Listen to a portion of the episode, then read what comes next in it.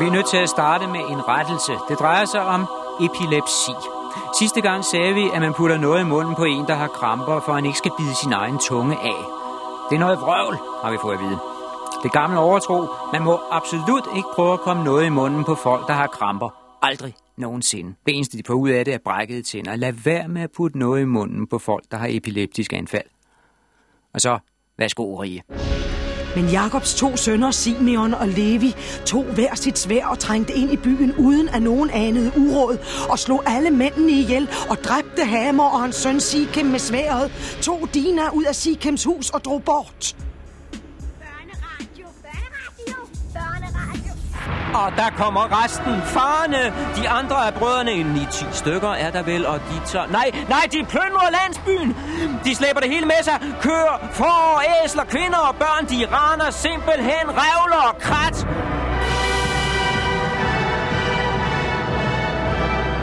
Og inde i husene, der ligger mændene og dør.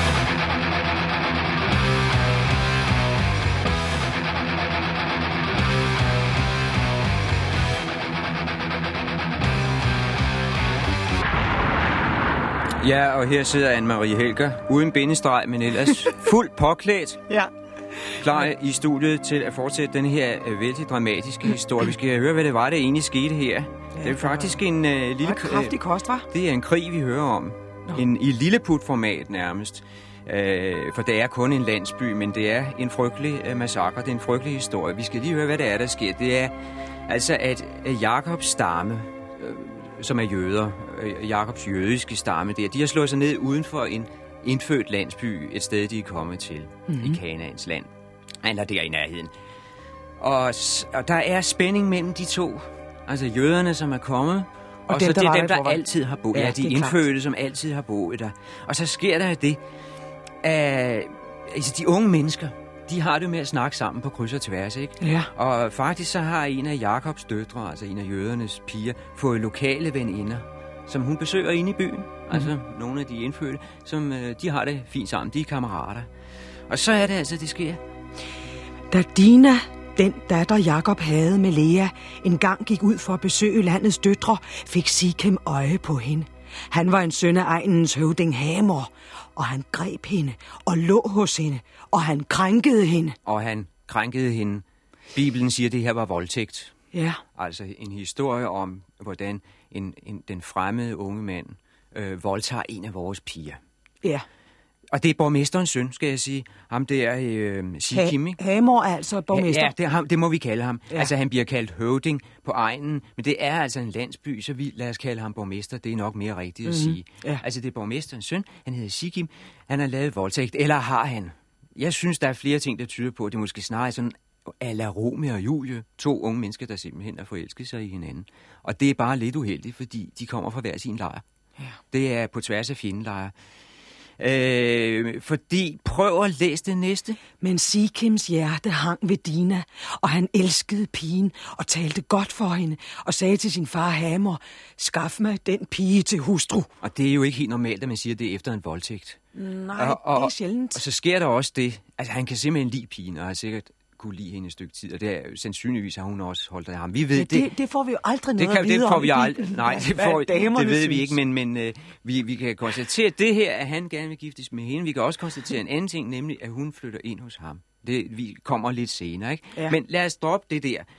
Hvad end det nu er, er voldtægt eller ej, mm. så øh, tager borgmesteren det fornuftigt, ham der, øh, Sikims far. Ja, Hamers, drengens far. Ja. Han går hen til Jakob, den gamle der, og får at tale med ham, få en fornuftig snak, få det her bragt i orden, ikke? Ja. Fordi øh, i mellemtiden, der er rygtet nemlig bredt sig, og alle Jakobs sønner, altså de unge jødiske mænd i stammen, de er kommet stormende hjem. Men da Jakobs sønner hørte det, kom de hjem fra marken, og de græmmede sig og var såre opbragte, fordi Sikim havde øvet skændselsdået i deres stamme ved at ligge hos Jakobs datter. Til sligt bør ikke ske. Men Hamor talte med dem og sagde, Altså Hammer, det er den indfødte borgmester, skal vi lige huske. Ja. Altså han tager det stille og roligt, han kommer med et forslag og siger, Min søn, Sikims hjerte hænger ved eders datter. Giv ham hende til hustru og en god svogerskab med os. Giv os eders døtre og gift eder med vore døtre. Tag ophold hos os, og landet skal stå jer åbent. Slå jer ned og drag frit omkring, og skaff jer ejendom her. Altså, han er helt åben, ham her, borgmesteren. Øh, Det er jo nærmest utroligt. Ja, det er en Øh, det, mand. det er disse her indvandrere, fremmede mennesker, som kommer. Han siger, værsgo, slå jer bare ned her. Ja, det er I kan drage sødt, rundt, som I jeg. vil, og, og, og hvis I tjener nogle penge her hos os, i ja. vores land, ja. så er det helt fint. Behold dem endelig. Og, og først og fremmest, lad, lad, lad min søn få øh, jeres datter der. Øh, Dina til ægte, ikke? Jo. Altså, det er et forslag om det, man kalder integration. Altså, når vi taler om flygtningeintegration, ikke? Altså, man kommer ind i samfundet, man blander sig med hinanden. Det, han siger, det er, lad os blande os Ja. de forskellige folkeslag, i stedet for at gå rundt hver for sig og hade hinanden. Det er det, han foreslår. Så spørgsmålet er nu, hvad de der brødre vil sige, hvad disse 12 unge, vrede mænd vil sige til det forslag.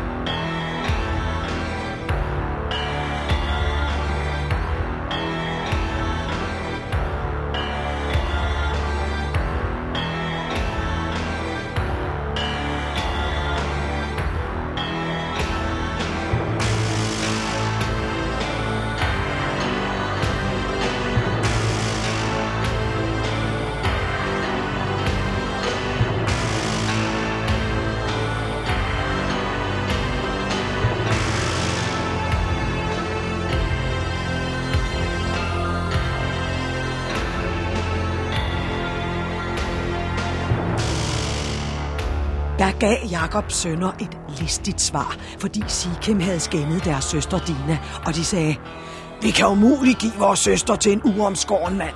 Til det holder vi for en skændsel.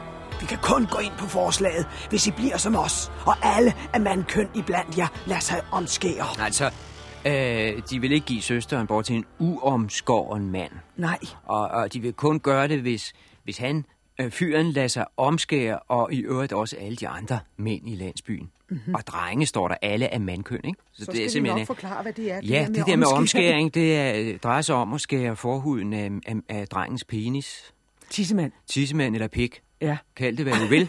Det drejer sig om, det drejer sig om, om, om forhuden, Ja. og som man opererer væk mange steder i verden. Vi kender det jo mest fra jøderne og muslimerne, øh, men faktisk er det foregået over, over, over næsten det meste af verden. Øh, men det er en meget øh, forskellig skik fra, fra tid til tid og fra sted til sted. Nogle steder, der foregår det, når, når drengen er helt lille, otte dage gammel, så nærmest sådan ligesom dåb.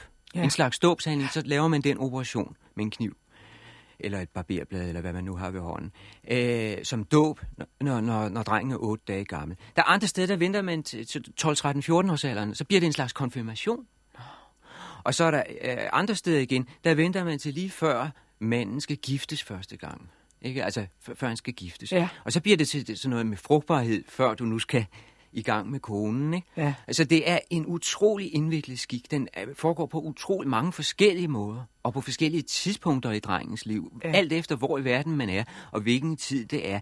Altså, jeg kan sige, nu det her med, med muslimer og jøder, det er jo Mellemøsten. Men det foregik også i Afrika, mm. og det foregik i Australien, og i Amerika, og det er altså før Columbus. Så det vil altså sige, at det er sådan en skik, der har været over det meste af jorden, fuldstændig uafhængig af hinanden. Ja. Det er ikke noget, nogen har fundet på et sted i Mellemøsten. Men det er jo nok noget med renlighedshensyn, eller sådan noget, Det er, dybest set, tror du det, ikke? det er klart, at der er noget hygiejnisk i det der, Ja. ja. at der ikke samler sig skidt op under Ja. den der øh, forhud. Men man har diskuteret det meget, og jeg har altså læst om det her, ikke? Ja. Og jeg, man har diskuteret meget det der med det hygiejniske, som man siger, altså mm. det der med renligheden, og, så, og, og, og, og det der med det hellige, og sådan hvad der lå i. Men jeg tror, man kan sige, at de kloge har opgivet.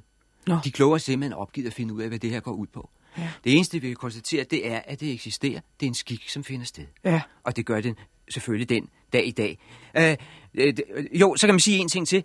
Øh, Det fandt ikke øh, sted over i Asien. Altså i Kina har de for eksempel aldrig gjort det. Nå, Og her, man har heller ikke fundet tegn på det her i Europa. hvor vi bor. nej. Der er heller ikke.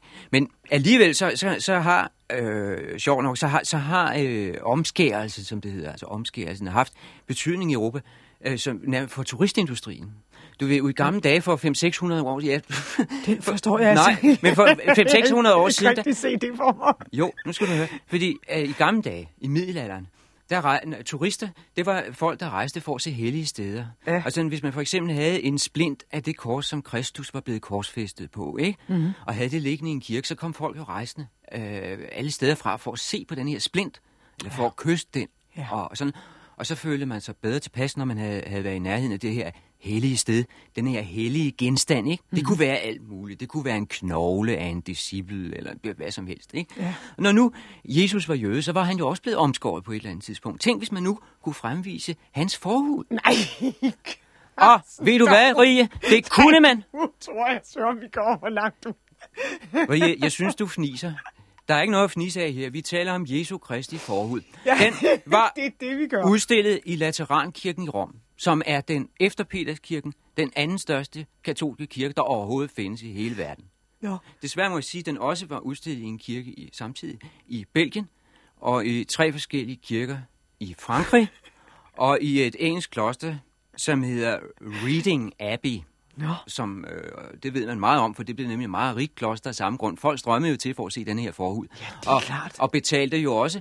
Og så, det, så det der uh, Reading Abbey i England, det blev faktisk et af de rigeste klostre i hele landet. I, i, uh, og der, det er altså 500-600 år siden. Hvor så, har du så kom ikke, det Så kom ikke... Jamen, det er kendskærninger, det her. Det er kendskærninger. Ja, det har jeg godt nok ikke hørt før. Uh, det er det, man kalder relikvier. Hellige ting fra Ja. ja. hellige mænd, ikke? Jo. Der var folk, der følte sig raske. Folk blev raske for øh, hårde sygdomme og sådan, ikke? Når de havde været i nærheden af sådan en hellig ting, ikke? Ja, men det er jo troen. Det er troen og så videre, og glæden ved at have været der. De var stolte af at besøge de steder. De var Ja. stolte af at set Jesu Kristi forhud. Det var, hvad der skete. Nu springer vi 3.000 år tilbage til selve denne her historie. Og der øh, øh, øh, handler det jo sådan set også om at gøre folk glade, fordi øh, det øh, jøderne øh, siger til den lokale befolkning, det er, ja, okay, jeres, Sikim, drengen der. Han kan godt få lov til at gifte sig med Dina, men kun på betingelse af, at alle mænd og alle drenge i jeres landsby lader sig omskære. Og det går han ind på, borgmesteren. Altså borgmester Hamor, som han hedder. Han synes, det er okay. Hamer og Sikim synes godt om den tale, og den unge mand tøvede ikke med at gøre således, til han var indtaget i Jakobs datter, og han var den, der havde mest at sige i sin fars hus. Og Hamer og Sikim gik hen til porten i deres by og talte til mændene i deres by. Ja, altså det er en, en lille bitte, bitte landsby, og, og man kan sige, at byrådet, de sad altid der i porten Ja. og, og holdt møde. Ikke? Så når, når borgmesteren skal hen og, og snakke med folk og, og, og overtale dem til et eller andet, så skal han altså hen i byporten. Ikke? Jo. Det, det, er en, det er en lille bil, by, og det her byråd, det sidder samlet i porten. Og alle retter sig selvfølgelig efter borgmesteren, og de lader sig omskære. Så adlød de Hamer og hans søn Sikim, så mange som færdedes i hans bys port, og alle af mandkøn, alle som færdedes i hans bys port, lod sig omskære. Og så øh, sker det altså, at Dina flytter ind hos Sikim. De bliver altså rent faktisk gift. Så er sagen klar. Der har været forhandlinger. De har løst problemet. Borgmesteren har bøjet sig og sagt velkommen til jøderne. Alt er et lykkeligt. Oh!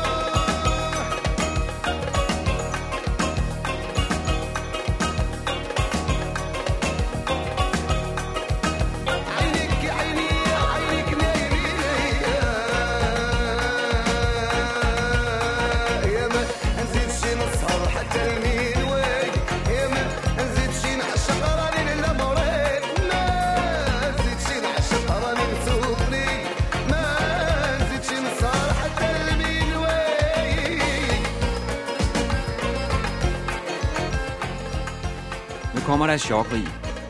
Fordi det, som jeg troede var en happy ending lige før, Ja. det viser sig, at det har hele tiden været en list. Det har hele tiden været en plan, som jøderne har haft. Altså øh, Jakobs sønner, må jeg huske at sige. Det er altså sønnernes planer. Ideen har været hele tiden at få de der lokale til at omskære sig. Altså til at få taget den der operation, skåret forhuden af. Ja. For, for så bliver man lidt syg bagefter, det er jo klart. Når man, altså, øh, Ja, det er en operation. Det er en operation, og man bløder, og så videre, og så videre.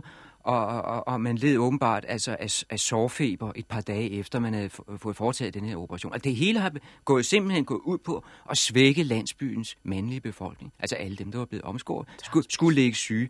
Og så er det, at to af sønnerne, da de er sikre på, at alle ligger der og ikke kan røre sig, og er, er dødssyge af, af mændene, så øh, kommer to af, af, sønnerne, Jakobs sønner, de tager sagen i egen hånd, Men tredje dagen, da de havde sårfeber, tog to af Jakobs sønner, Simeon og Levi, Dinas brødre. De tog hver sit svær, trængte ind i byen uden at nogen anede uråd og slog alle mændene ihjel og dræbte Hamer og hans søn Sikem med sværet, tog Dina ud af Sikems hus og drog bort. Så kastede Jakobs sønner sig over de faldende. Altså det, der sker, er, at de to af sønnerne, de laver det beskidte arbejde, går rundt og slår alle mænd og drenge ihjel. I Ja. hele landsbyen. De går simpelthen fra hus til hus og gør det her, ikke? Og så tager de selvfølgelig Dina, deres, deres egen pige der, den jødiske pige, hende, hende fjerner de fra Sigem, som selvfølgelig også bliver dræbt. Øh, drengen, eller, Ja. ja. eller manden der, Som var øh, forelsket i bliver, hende. som var Ja. forelsket i hende, bliver myrdet. De er altså simpelthen myrdet alle sammen, og da det er sket, så kommer de ni resterende sønner, fordi så mange er der jo, altså Ja, de, meget de, de sag. har 11 brødre. De er 11 brødre. Så kommer de ni, og de kommer og plønder. De kaster sig over landsbyen simpelthen som, som øh, ådselsgribe. De kastede sig over de faldende og plyndrede byen, fordi de havde skændet deres søster. Småkvæget tog de, hornkvæget og æslerne, alt hvad der var, både i byen og på markerne, tog de med sig, og al deres ejendom og alle deres børn og kvinder førte de bort som bytte, og de udplyndrede byen for alt, hvad der var. Altså, vi gør regnstykket op. Det, vi har overværet her, er en massakre Ja. på alle drenge og mænd i den her landsby. Plus en bagefter total udplønder. Kvinder, børn, alt. Hvad gjorde de ved kvinderne så? Ja, dem har de taget med sig som slaver. Ja, kvinder er Okay, gode til at arbejde. det er altså her, vi står. ikke. Lad os nu sige, at, at øh, det var en voldtægt. Mm. Lad os sige, at Sikim havde voldtaget den der jødiske pige. Det går vi Det ud kan jo fra. godt være, ikke? Så skal han selvfølgelig straffes. Ja. Det er vi da enige om. Yes. Det er en, en, en meget slem forbrydelse. Det Voldtægt. mener jeg nok. Helt afgjort. Men er det rimeligt, at hele hans landsby, alle mændene i... Altså lad os nu sige, at, at, en, en, en, en øh, ung mand i Diana Lund for eksempel voldtager en pige et andet sted fra. Skal så alle mænd i Diana Lund henrettes af den grund? Nej, det synes Det jeg er- Det, det det- synes jeg på ingen måde. Det er det, der sker her. Det er det, der sker, og det er jo en utrolig grusom historie. Og der er det sådan, at der står mange grusomme ting i den her bog, Bibelen, ikke? Jo. Men som regel, så står det der jo som skræmmebilleder. Ja. Fordi så står der bagefter, så siger Gud, det må I ikke. Nej, Den slags. for at vise, ja. hvad man ikke skal for gøre. At, vi- ja, Ja. for at vise nemlig, hvad man ikke skal Men det gøre. er det her måske også. det kan vi prøve at undersøge, fordi det, det, det kommer jo lige efter.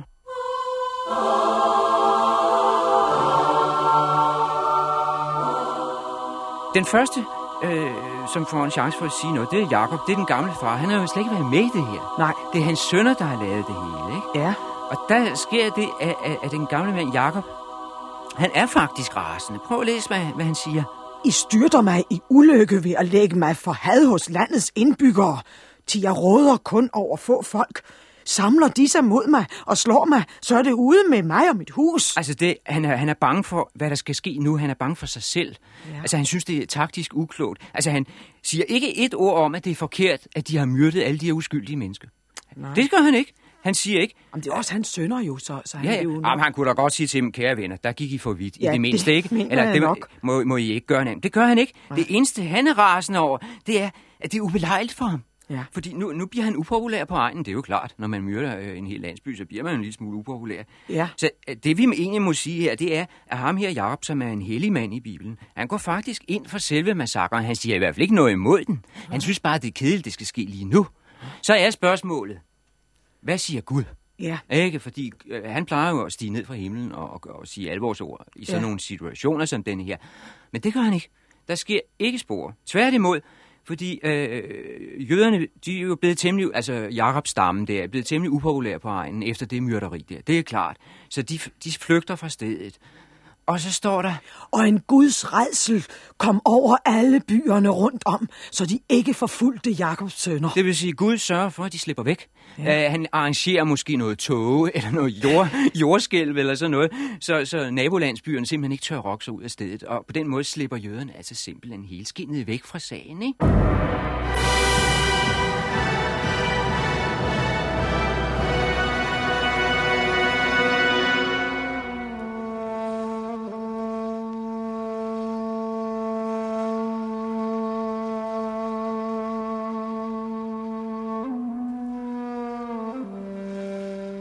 Det er et meget farligt sted i Bibelen, det her.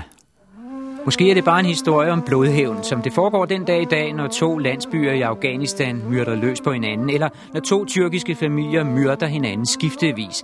Her er det en jødisk familie, der massakrerer en hel landsby af hedninge, altså folk, der tror på en anden gud end jøderne. Og den jødiske familie slipper afsted med myrderierne. De får ingen bebrejdelser her i Bibelen. Det kan læses sådan, at hvis bare man tror på den rigtige Gud, så har man ret til at slå alle de vantro ihjel.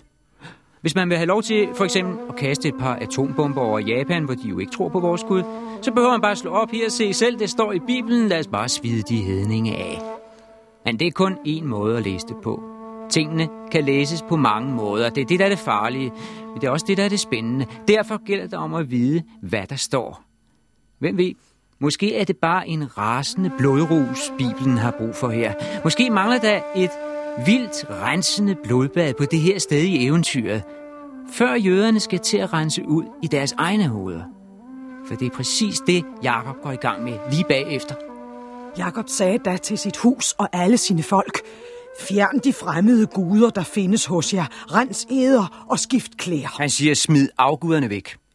Det det. Kan du huske den der husgud, som, øh, som, med, som? Rakel havde stjålet og Ja. så videre?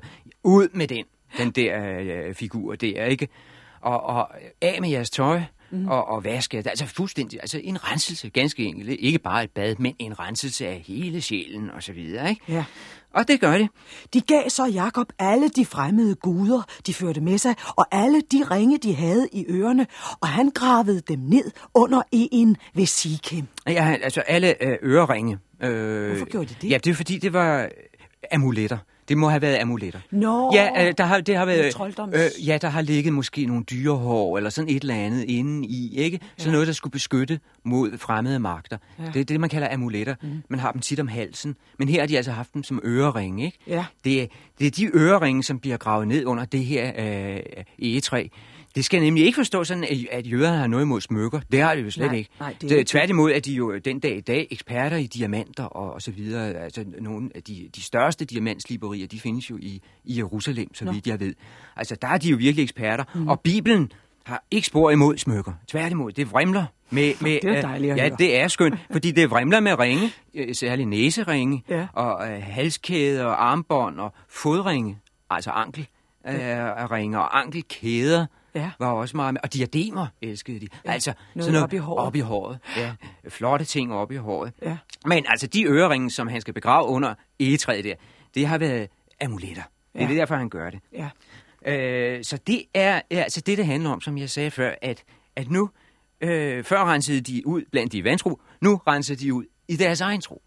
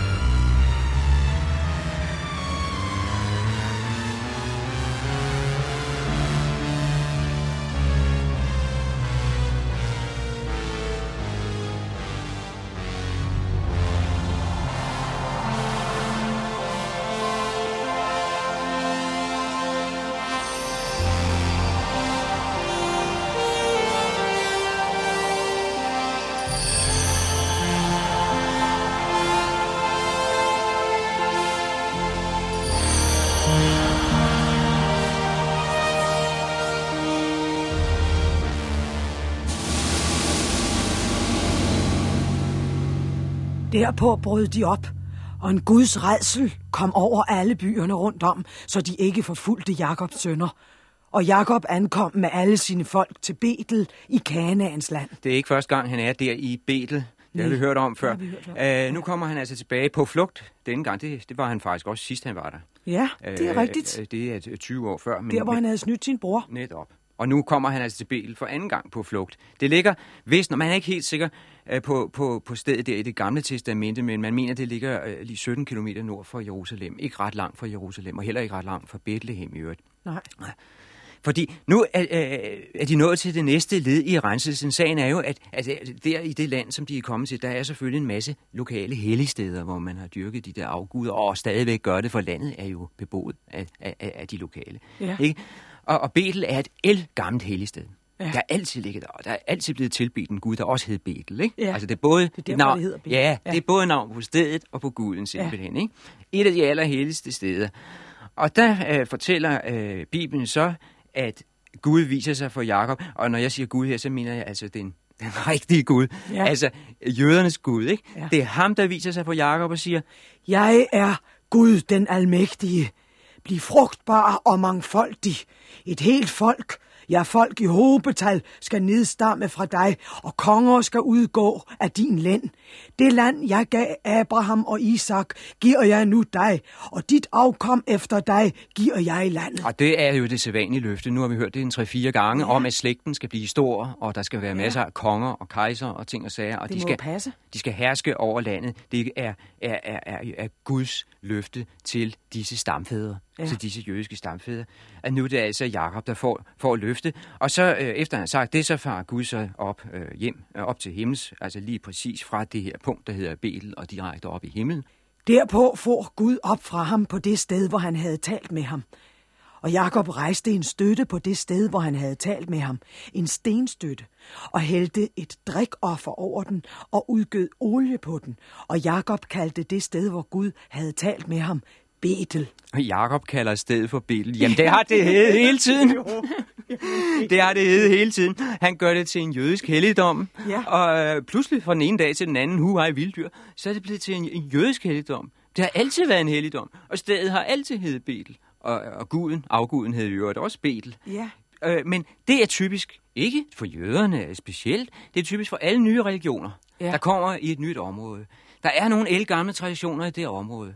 Altså tag nu for eksempel Odense, ikke? Ja. Odin. Der ligger et eller andet der med Odin, Nå ikke? ja.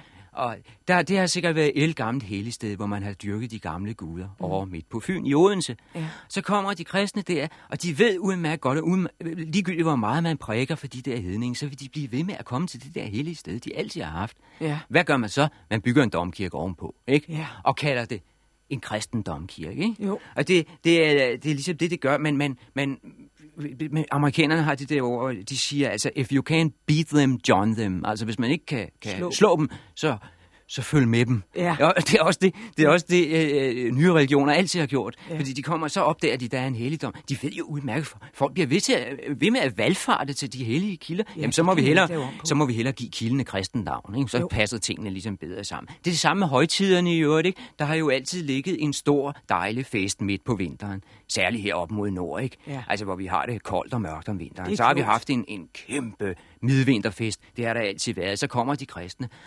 Og da man jo heldigvis ikke ved, hvornår øh, Jesus er født, for det aner man ikke. Man ved hverken dag eller år, hvornår øh, Jesus er født. Så kan man jo lægge hans fødselsdag, hvor man vil. Og så, så lagde man bare Jesus fødselsdag, så det kom til at passe med midvinterfesten. Ikke? Ja. Og, og kaldte det jul. Den kristne jul. Ja. Ja. Jesu Kristi fødselsdag, ikke? Ja. Og på den måde prøver man at overdøve den gamle hedenske fest, for man vil jo udmærke godt, at de der hedninge, de bliver jo ved med at holde fest. Ja, det så kan man jo lige ikke så godt, ja, kan man lige så godt hoppe med på vognen, og så kalde den noget kristent. Ja. Øh, og det er det, jøderne gør her. De, øh, øh, de tager patent, kan man sige. De overtager en elgammel helligdom, der hed Bel, og nu er det pludselig blevet en jødisk helligdom.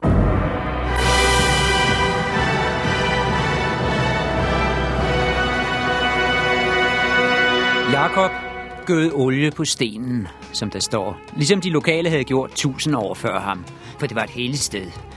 Det var spiseolie, han brugte. Olivenolie. Og de er stadig mægtigt godt til sten. Det hænder jo tit, at man finder en meget flot sten ude i strandkanten og tager den med hjem. Men så snart den kommer hjem og tørrer, så ser den pludselig ikke ud af noget mere, men ender med at smide den ud ret hurtigt. Prøv at gøre som Jakob. Tag en lille smule spiseolie på en klud og gnid det så grundigt ind i stenen. Ind ikke for meget, så kommer det til at lugte. Bare en lille teskefuld. Så kommer stenen til at se våd og flot ud igen. Og det holder sig i flere måneder. Og hvem ved? Måske bor der en gud indeni.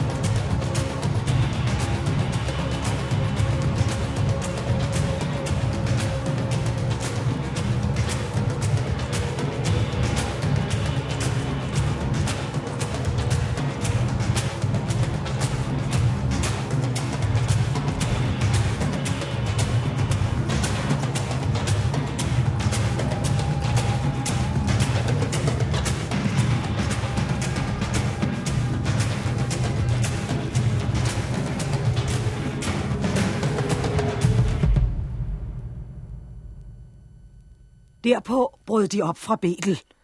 Da de endnu var et stykke vej fra Efrat, skulle Rakel føde, og hendes fødselsvejer var hårde. Ja, hun havde hårde vejer øh, ved, ved sine fødsler. Rakel har hele tiden haft besvær med det der med at sætte børn i verden. Øh, hun, det her nummer to, Josef var hendes øh, første, og han kom meget sent, ikke? Ja, ja. Og nu er det altså øh, nummer to, der er på vej, og hun har nogle frygtelige pinsler. Midt under hendes hårde fødselsvejer sagde jordmoren til hende, frygt ikke, til også denne gang får du en søn. Ja, altså jordmor siger, øh, du skal slet ikke tage dig af, at det gør ondt, for det er jo en søn, du er ved at det- få. det. det er ikke bare en datter, det er virkelig en søn, så glem alt med smerten. Men altså rent faktisk er Rakel ved at dø. Ja. Ja. Altså som så mange andre kvinder på Dø den tid. i.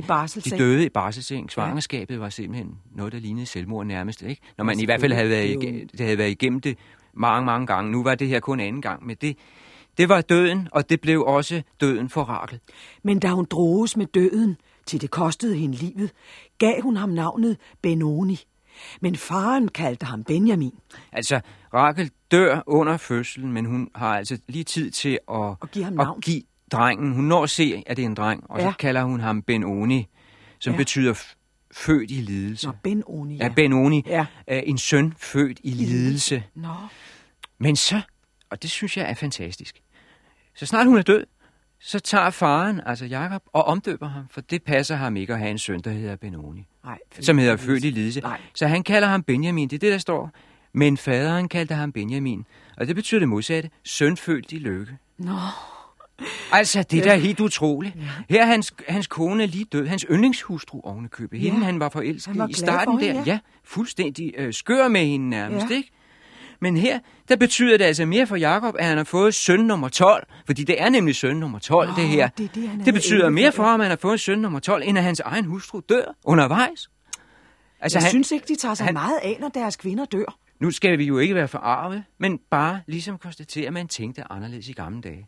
Og her er vi altså 3.000 år tilbage, og det har været helt rimeligt for dem, der hørte den her historie, læste den her historie i Bibelen for 3.000 år siden. Sådan så man åbenbart på kvinder. Simenika hotam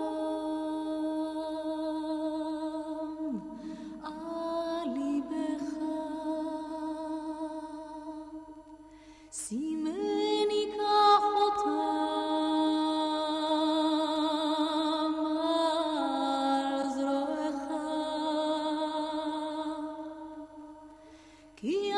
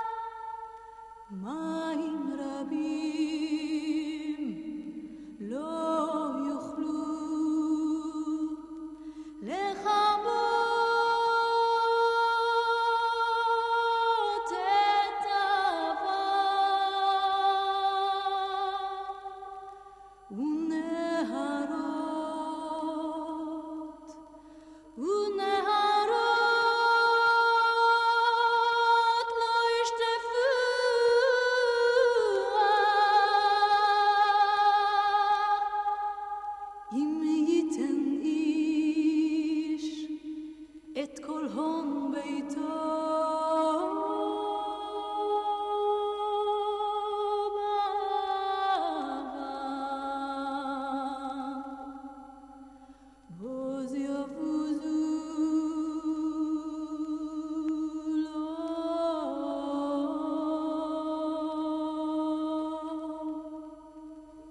Oye, Prøv at forestille dig, at vi sidder om 3.000 år og mm. skal prøve at finde ud af, hvordan man lever nu her, hvor vi lever i, ja. i den sidste halvdel af det her århundrede, 1980, 1990 deromkring. Vi sidder altså om 3.000 år og skal prøve at finde ud af det. Alting er ødelagt. Ja. Det eneste, der ikke er ødelagt, det eneste, vi har at gå efter, det er en lille stabel videobånd mm-hmm. med episoder fra tv-serien Dallas.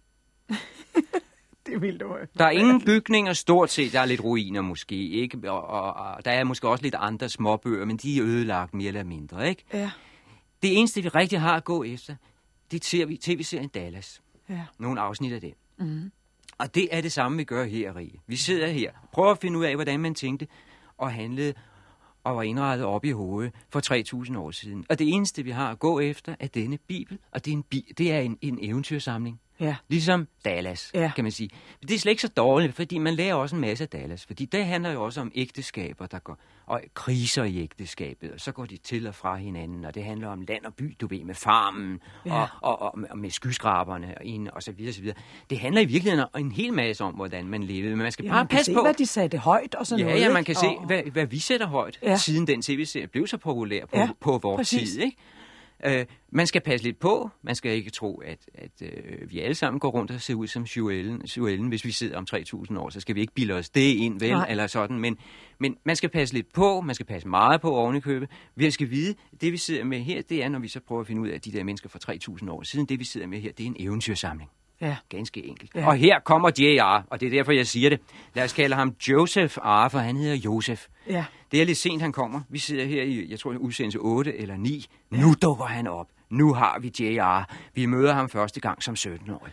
Da Josef var 17 år gammel, vogtede han småkvæget sammen med sine brødre.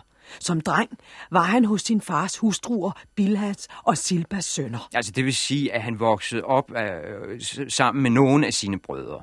Altså Nå. nogle af dem, Nå, okay. og som var hyrder øh, ude på, på markerne. De og laver noget forskelligt. Ja, de har været spredt, børneflokken har været spredt lidt, ikke? Ja. Og han var altså sammen med de der sønner. Øh, men så øh, står der, at når, når så Josef kommer hjem til farmand, for det gør han jo også nogle gange, han kommer hjem, ikke? Ja. Så slader han om de andre. Prøv at læse. Og han bragte ondt rygte om dem til deres far. Jakob elskede Josef frem for alle sine andre sønner, fordi han var hans alderdoms søn. Og han lod gøre en fodsidig kjortel med ærmer til ham. Ja, altså, bragte ondt rygte hjem. Han slader regulært Ja. til farmand om, de, om sine egne brødre. Ja. Det er, hvad han gør. Han indønder sig, så han bliver farens yndlingssøn. Og det lykkes jo altså, for han får en, så, en fodhvid kjortel med ærmer. Altså hele lang. Helt lang, Helt ankellang, ja, Ja, eller eller, fodlang, ikke? Ja. Kjortel med ærmer oven i købet. Og det står jo fordi, altså det er jo en fin ting. Ja. Og det er jo, øh, kan hver regne ud, ikke særlig praktisk, hvis man skal være hyrde og rende rundt derude. Og, og, og der er tjørnebuske overalt og sådan noget der. Og, og lange ærmer har det været, ikke? Jo. Og det kan man jo ikke. Og det var netop præcis ikke meningen. Denne her mand, han skal være kontormand. Denne her dreng skal være administrator, som det hedder. Han skal, han skal om bag et skrivebord. Det er, hvad det handler om. Det er derfor, han får denne fine kjortel, ikke? Ja. Altså, han, han, han, han taler ondt om sine brødre. Han sørger for at blive Jakobs yndlingssøn, og bliver så udnævnt til, til, øh, til skriver, eller til skriverkal, eller Ja. ja. sådan et eller andet. Ja. Han, han skal have en uddannelse, som vi siger i dag. Ja. Mens de andre, de skal bare gå ud i marken og slide i det. Ikke? Sådan. Det er, hvad det handler om. Og der har vi, altså Josef som type, han er kontormand. Simpelthen. Ja. Ikke verdens mest spændende mennesketyper, kan man roligt sige. Åh, nå, Og- nej. Ikke Nej, generaliseret. det, nej, men altså, der er noget med disse administratorer. Ja. Og her møder vi, altså det er den første i øh, Bibelen, vi ja. møder. Og det er meget præcist, at det er her, fordi nu begynder verden at blive så stor, at man skal have nogen til at holde orden på den. Nu går, bliver kvægflokken så stor, at der skal altså sidde nogen og tælle de her får, ikke? Ja. Og byerne bliver så store, at man skal holde mandtal, og landene bliver så store, at der skal sidde nogen og holde, lave folkeregister og alt sådan noget. Og så er det, der pludselig kommer nogle mennesker, der ikke bestiller andet hele livet, end at sidde bag et skrivebord. Og det er det, vi oplever her. Det er Josef. Han er nummer et af den slags, ikke? Ja. Og jeg vil sige, øh, skal man jo passe på, ikke? Han er lidt af en blærerøv. Jo, jeg siger det. Han er lidt af en blærerøv. Og man forstår egentlig godt, at de andre brødre ikke kan holde ham ud. Prøv at læse, hvad der står. Men da hans brødre så, at deres far foretrak ham frem for alle sine andre sønner, fattede de nag og kunne ikke tale venligt til ham. Men Josef havde en drøm, som han fortalte sine brødre, og som yderligere øgede deres had til ham. Han sagde til dem, Hør dog, hvad jeg har drømt. Vi gik og bandt ned ude på marken, og se, mit næ rejste sig op og blev stående, mens jeres næ stod rundt om og bøjede sig for mit. Ja, du kan høre ham sige det. men Du har lige selv sagt det. Ja, sne er bare ikke noget værd. Det knæler. Bussemand sur til er saftevand. mit næ, der er det flotteste. Så det er klart, at brødrene bliver ikke helt vilde med den der historie, vel? De hader ham endnu mere, står der faktisk i Bibelen. Ja. Men Josef, han fortsætter bare med at blære sig altså. Men han havde igen en drøm, som han fortalte sine brødre. Han sagde, jeg har haft en ny drøm, og se, sol og måne og 11 stjerner bøjede sig for mig. Hvad siger du så, Rie?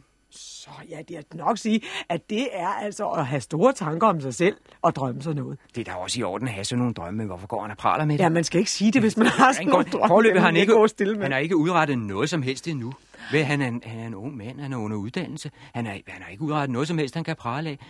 Jeg vil, du ved godt, at unge mennesker har det med at, at have vældig tillid Okay. til sig selv. Og det er Den- jo i virkeligheden vi- fordelen ved at være et ungt menneske, ikke? Den giver vi Josef Skal vi som gøre det? undskyldning Ja. forløbig, ikke? Jo. Altså, han går rundt i den her fine nye kjortel. Han skal ikke være som sine brødre. Han snakker den store fremtid, han skal have, mens de andre, de skal bare slide videre med markarbejde. Det er klart, de hader ham. Øh, det må ende Brødrene. med brødrene, Ja. hans brødre. Ja. Det må ende med et brag, det her. Og jeg synes altså, han trænger til nogen på torsken. Det synes jeg. Altså, han, det er nærmest som om, han beder om at få en omgang, omgang tæv.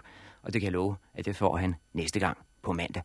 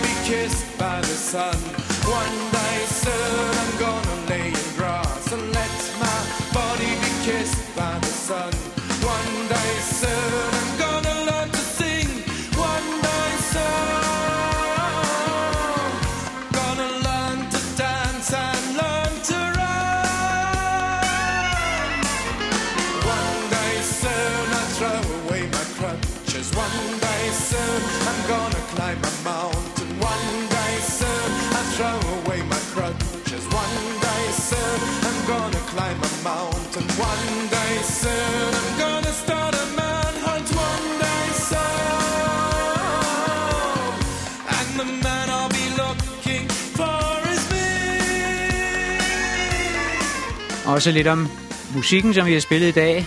Her er det Jarinistan, hedder gruppen, med One Day Soon. Det er gruppen altså en blanding af tyrkiske musikere og tyske musikere. Og så forfra, der var det Andrew Savakovats Birth of Tragedy, ja, lige før massakren i Sikkim, tragediens fødsel. Chep Relat bragte os til nattefest i Algeriet. Så var det Peter Gabriel med musik fra Martin Scorseses Kristusfilm. Og så og fra Azara, der sang helt Modas alene, uden nogen som helst trommer eller en bas eller noget som helst, sang op, om man så må sige, fra højsangen i selve Bibelen. Det er nogle kærlighedsdigte, der er havnet i Bibelen, selvom de er meget ældre, og sandsynligvis blev sunget mange hundrede år før jøderne kom. Men det betyder selvfølgelig ikke, at alt, hvad der står i Bibelen, er digt.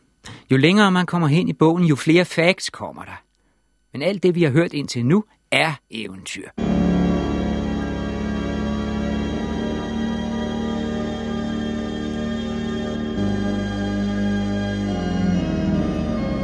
Det er ikke hele Bibelen, der er eventyr. Det er mest her i starten, hvor det handler om en tåget fortid, som ingen kunne huske mere.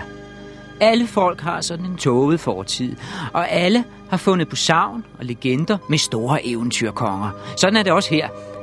De der Abraham, Isak og Jakob er hovedpersoner i en samling eventyr. Det vrimlede med eventyr dengang.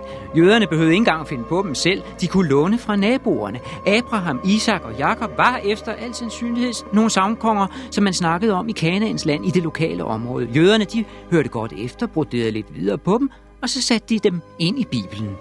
Ligesom den hellige sten ved Betel, den overtog de også fra de lokale. Sådan gjorde man, der findes ikke en eneste religion i verden, der er helt sig selv. Alle religioner har lånt noget fra de andre. Omskærelsen for eksempel, som er en meget hellig skik for de ortodoxe jøder. Det er en skik, de har lånt i Ægypten for ganske nylig. Det er ikke mere end 3.500 år siden. Og Ægypten, det er der, vi skal ned næste gang.